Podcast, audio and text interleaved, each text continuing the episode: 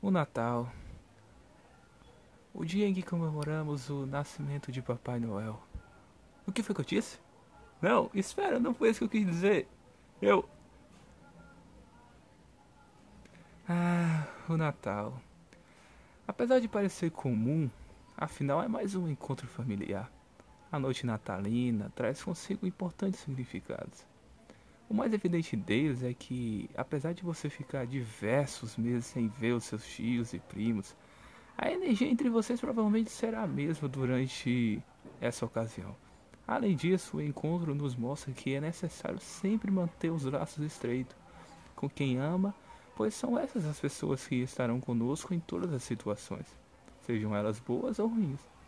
Assim, jantar com a família no Natal e até no Réveillon é manter vivo o verdadeiro espírito do feriado, que é o de compaixão, generosidade e respeito.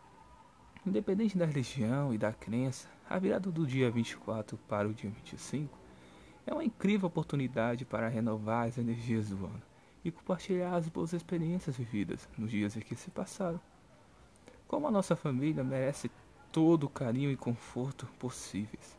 Quem vai ceder a casa para o jantar de Natal precisa pensar cuidadosamente nos detalhes. No caso do cardápio, vale a pena incluir pratos diferentes para todos os gostos. Pois se você tiver uma prima vegetariana, por exemplo, ela também poderia aproveitar bem a ocasião. Quanto à decoração, não há limites para a imaginação, afinal, essa é uma data colorida e cheia de brilho. Se a família for grande ou a sala for pequena, a dica é separar alguns móveis temporariamente para que vocês tenham mais espaço para se locomover.